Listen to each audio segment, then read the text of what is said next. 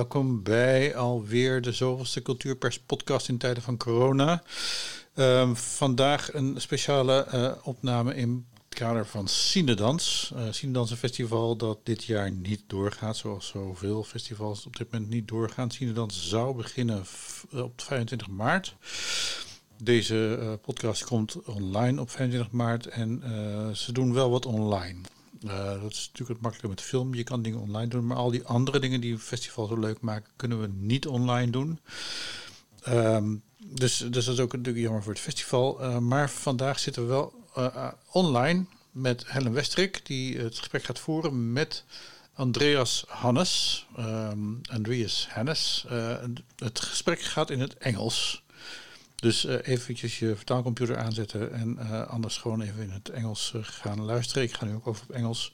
Welcome Andreas. welcome Helen. Thank you. Um, and we'll be starting to talk now um, about first question from me, um, Andreas. Yes. When when when did the idea that the festival did not would not be held this year? When when did it really sink in to you? Uh, to me, um, to me personally, it's uh, it it somehow I, I became quite sure about it a few days before it was announced. I uh, I ha- my mother also works in healthcare, so I get a lot of news from home. So I kind of understood quite fast that the things will will get serious. So there is a huge chance that the festival would be cancelled as it was.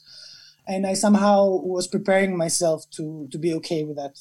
So a few days, like four or five days uh, before that, I was already saying, what are we going to do in case we are cancelled? Yeah, somewhere there. Okay. Helen, uh, when, when did you 10? think uh, that the festival oh, was going to, uh, to, to be cancelled?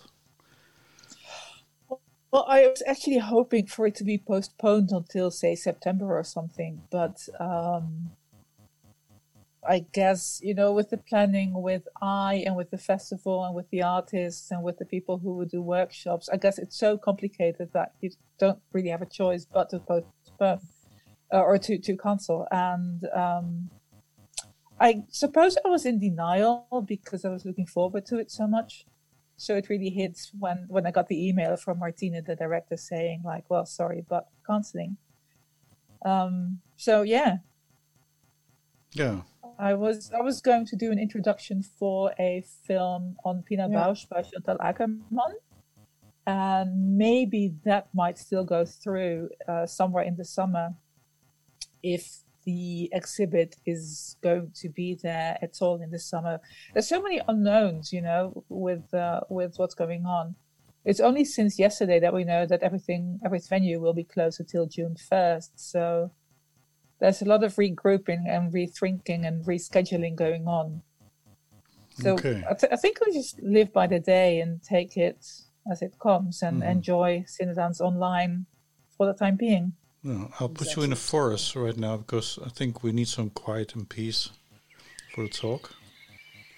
so this is for you, but um, I'll leave the talk to you um, for Cinedans and uh, Helen. Uh, it, it, it, the phone is yours.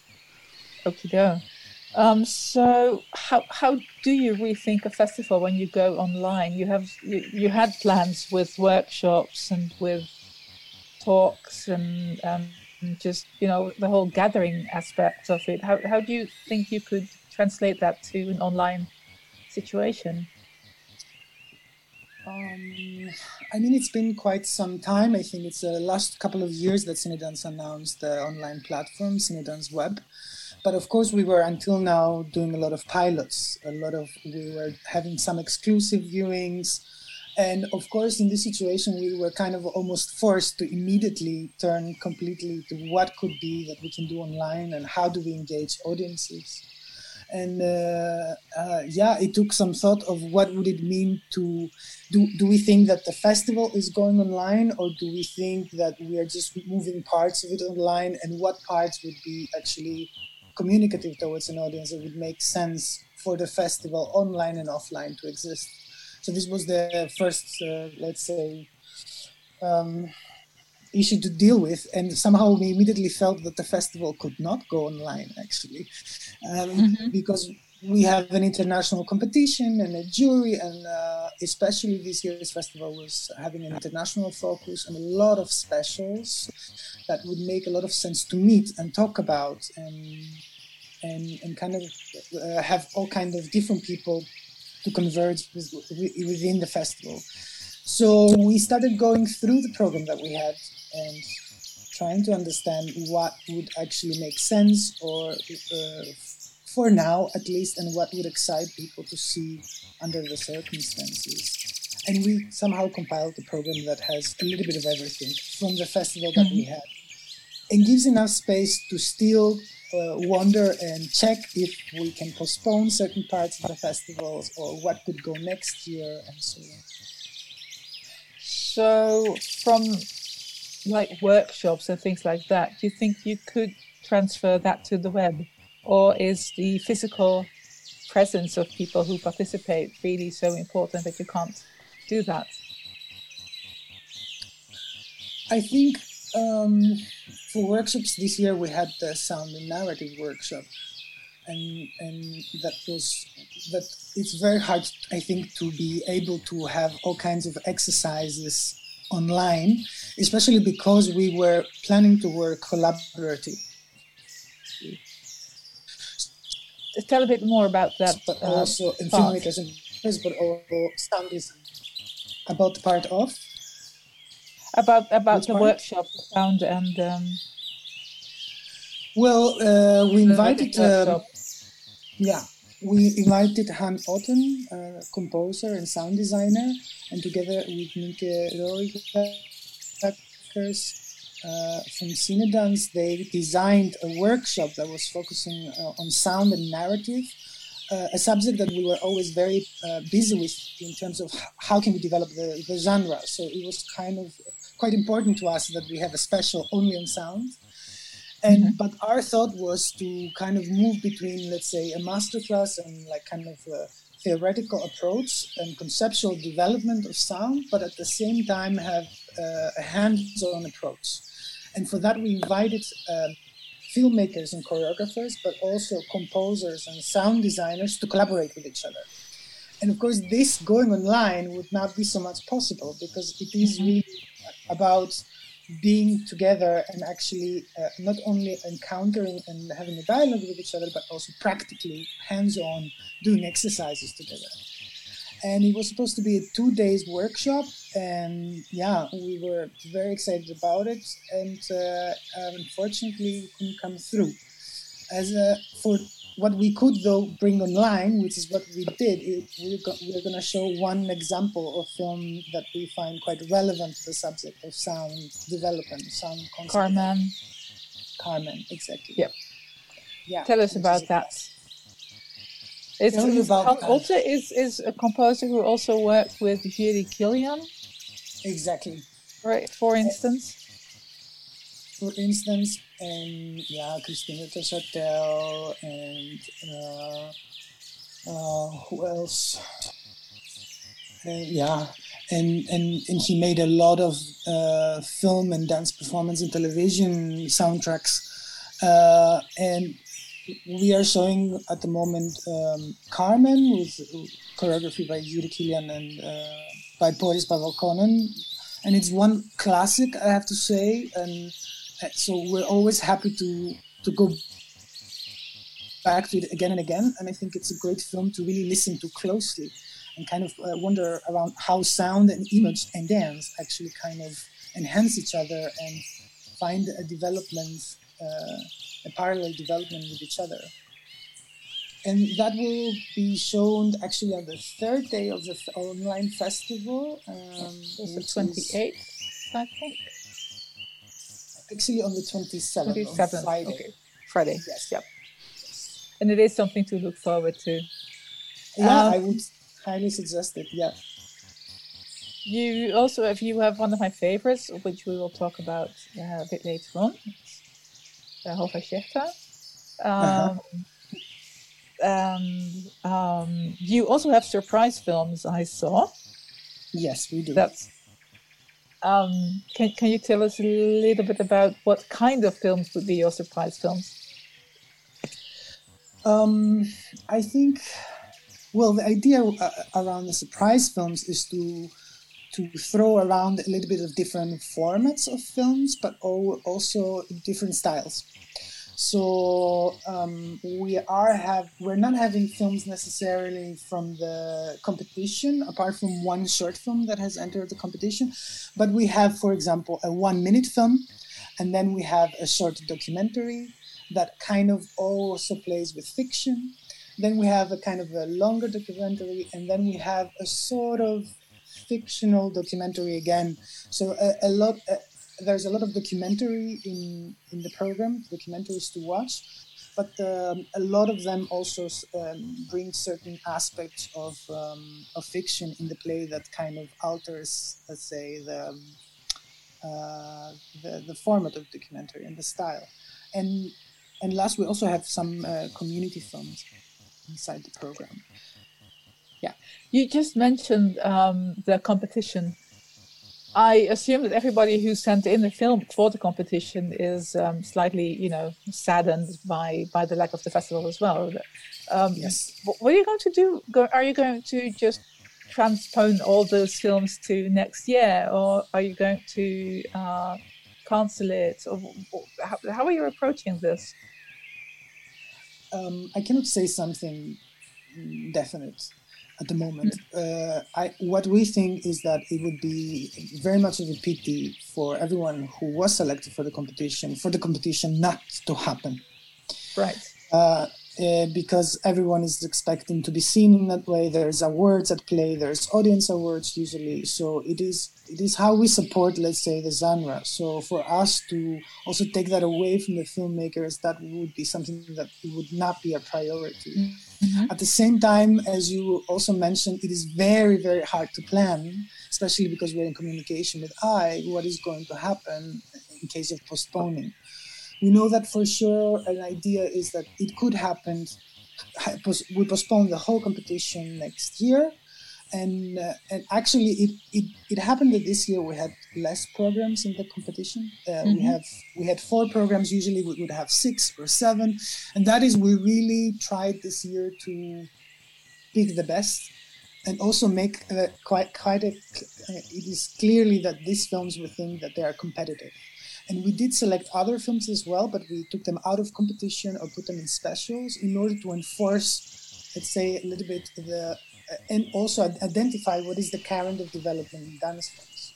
So since we had four um, four programs of, of short films for the competition, there is still some room to add some next year, and then uh, let's say bring them in the and do a, a, bigger festival also next year. So these are all only plans and talks and discussions at the moment. We cannot confirm, but our intention is that it that we will make it happen. That there is going to be a competition.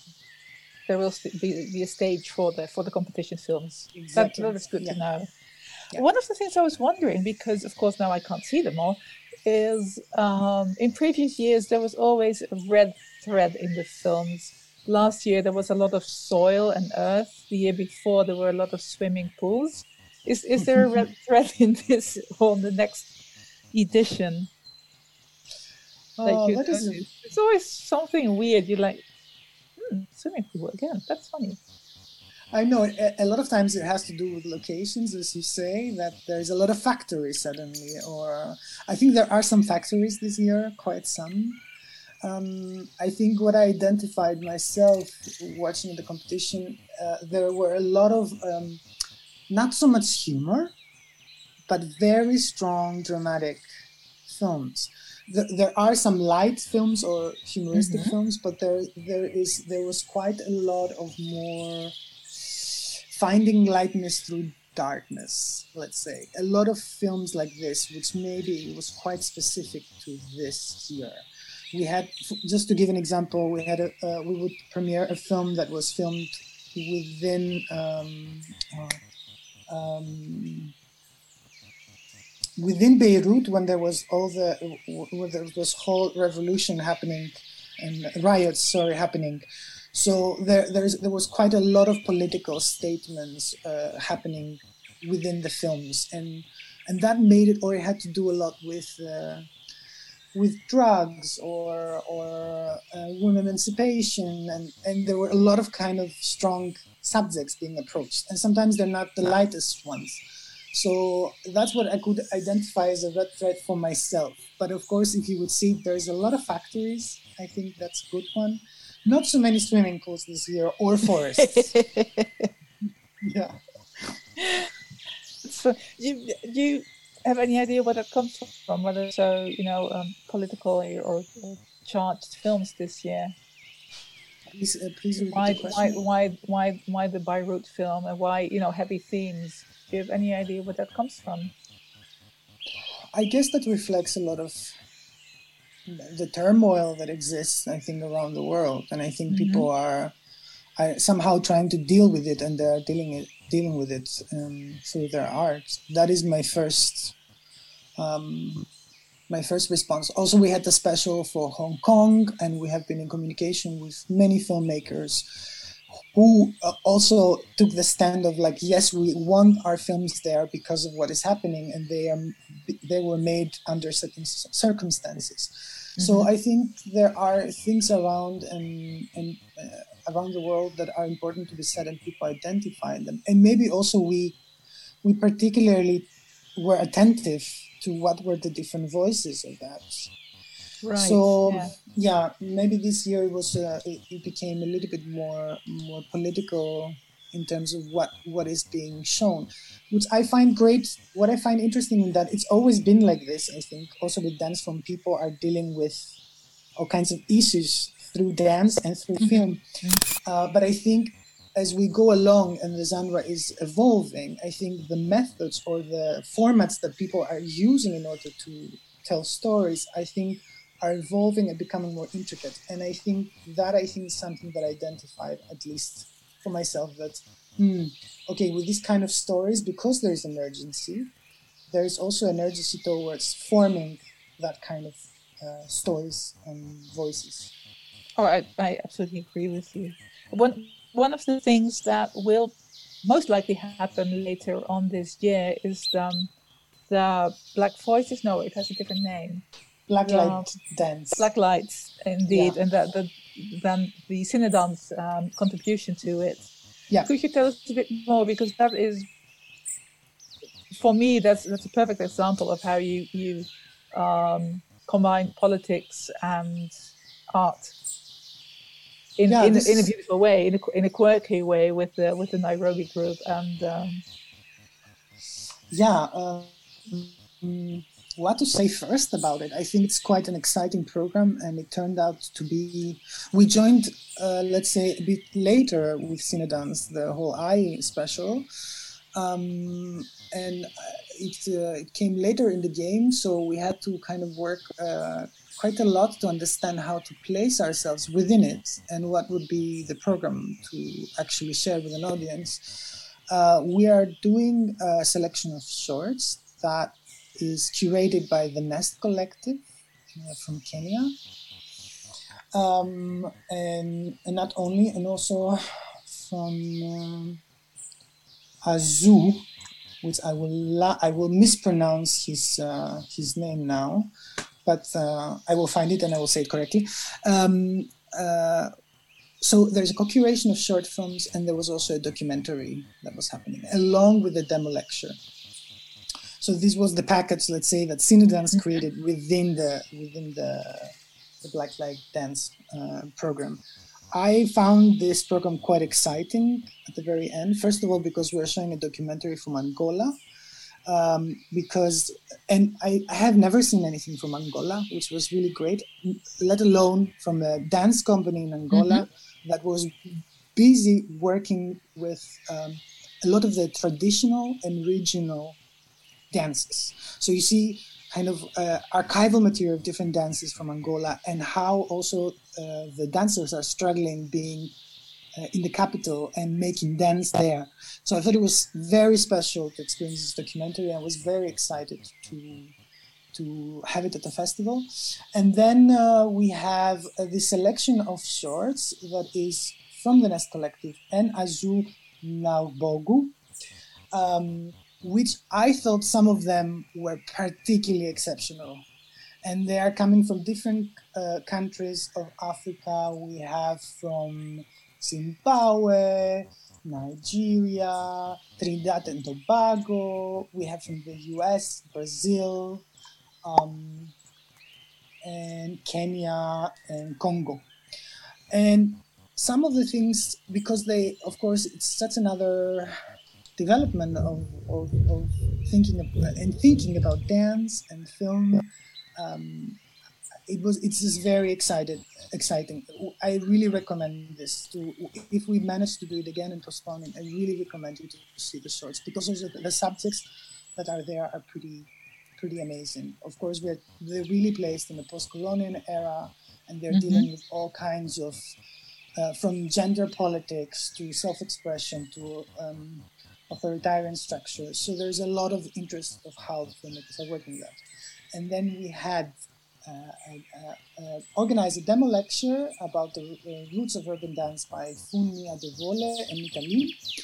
That would be next to this, and it should still happen at some point. And I last hope but so. not least, oh. yeah, I hope so too.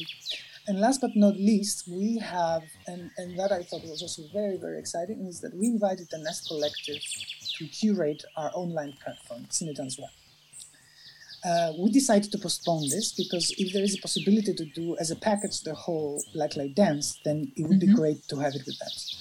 Uh, yes. Uh, what I what I can tell you is that I have selected uh, um, um, a group of films to be shown in Cinedans Web, uh, and there also have um, uh, written articles of how they look at, let's say. Um, their work and, and the problematics of, um, of, of how they make art in w- what they do, but also they're kind of reflecting back to this special itself.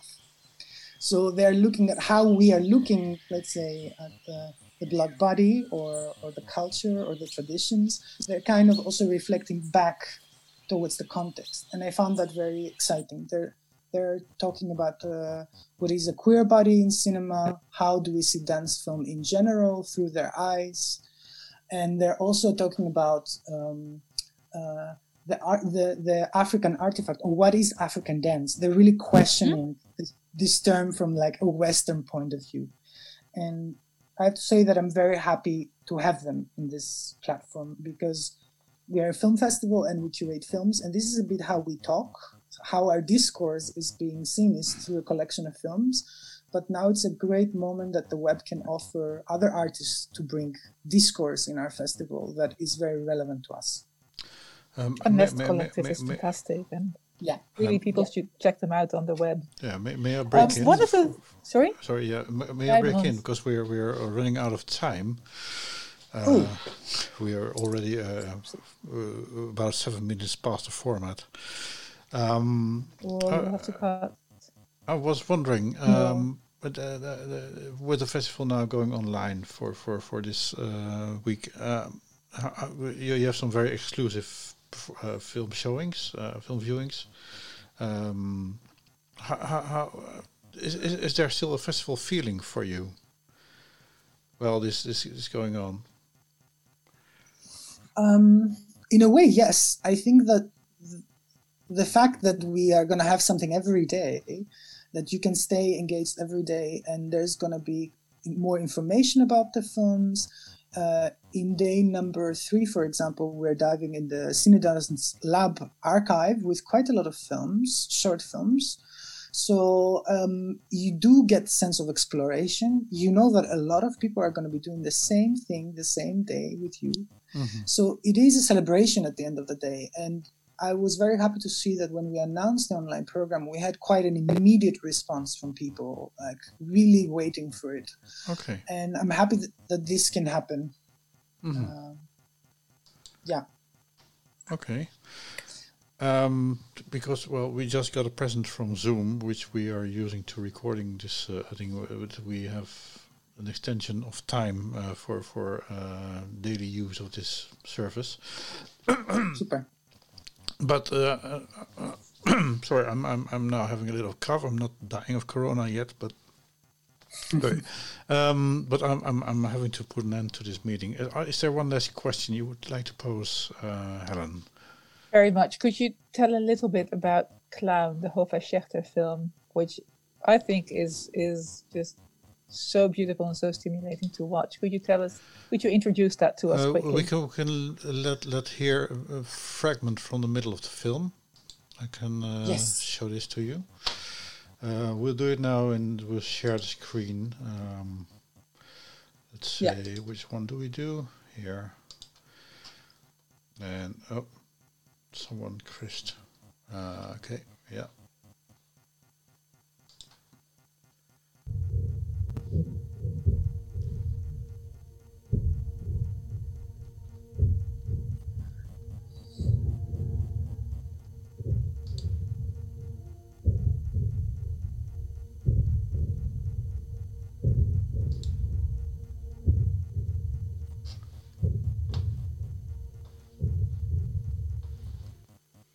Okay, what uh, what are we seeing uh, right now?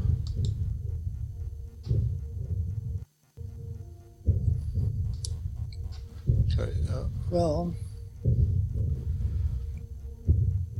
we started seeing the first scene where basically uh, uh, a group of dancers represents as if they're cutting the throats of a group of peoples.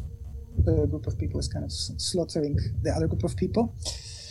Uh, and then there's a lot of close-ups and a lot of movement and also quite a dim light. Everything is kind of dark, but with uh, also additional lights and colors, colorful lights.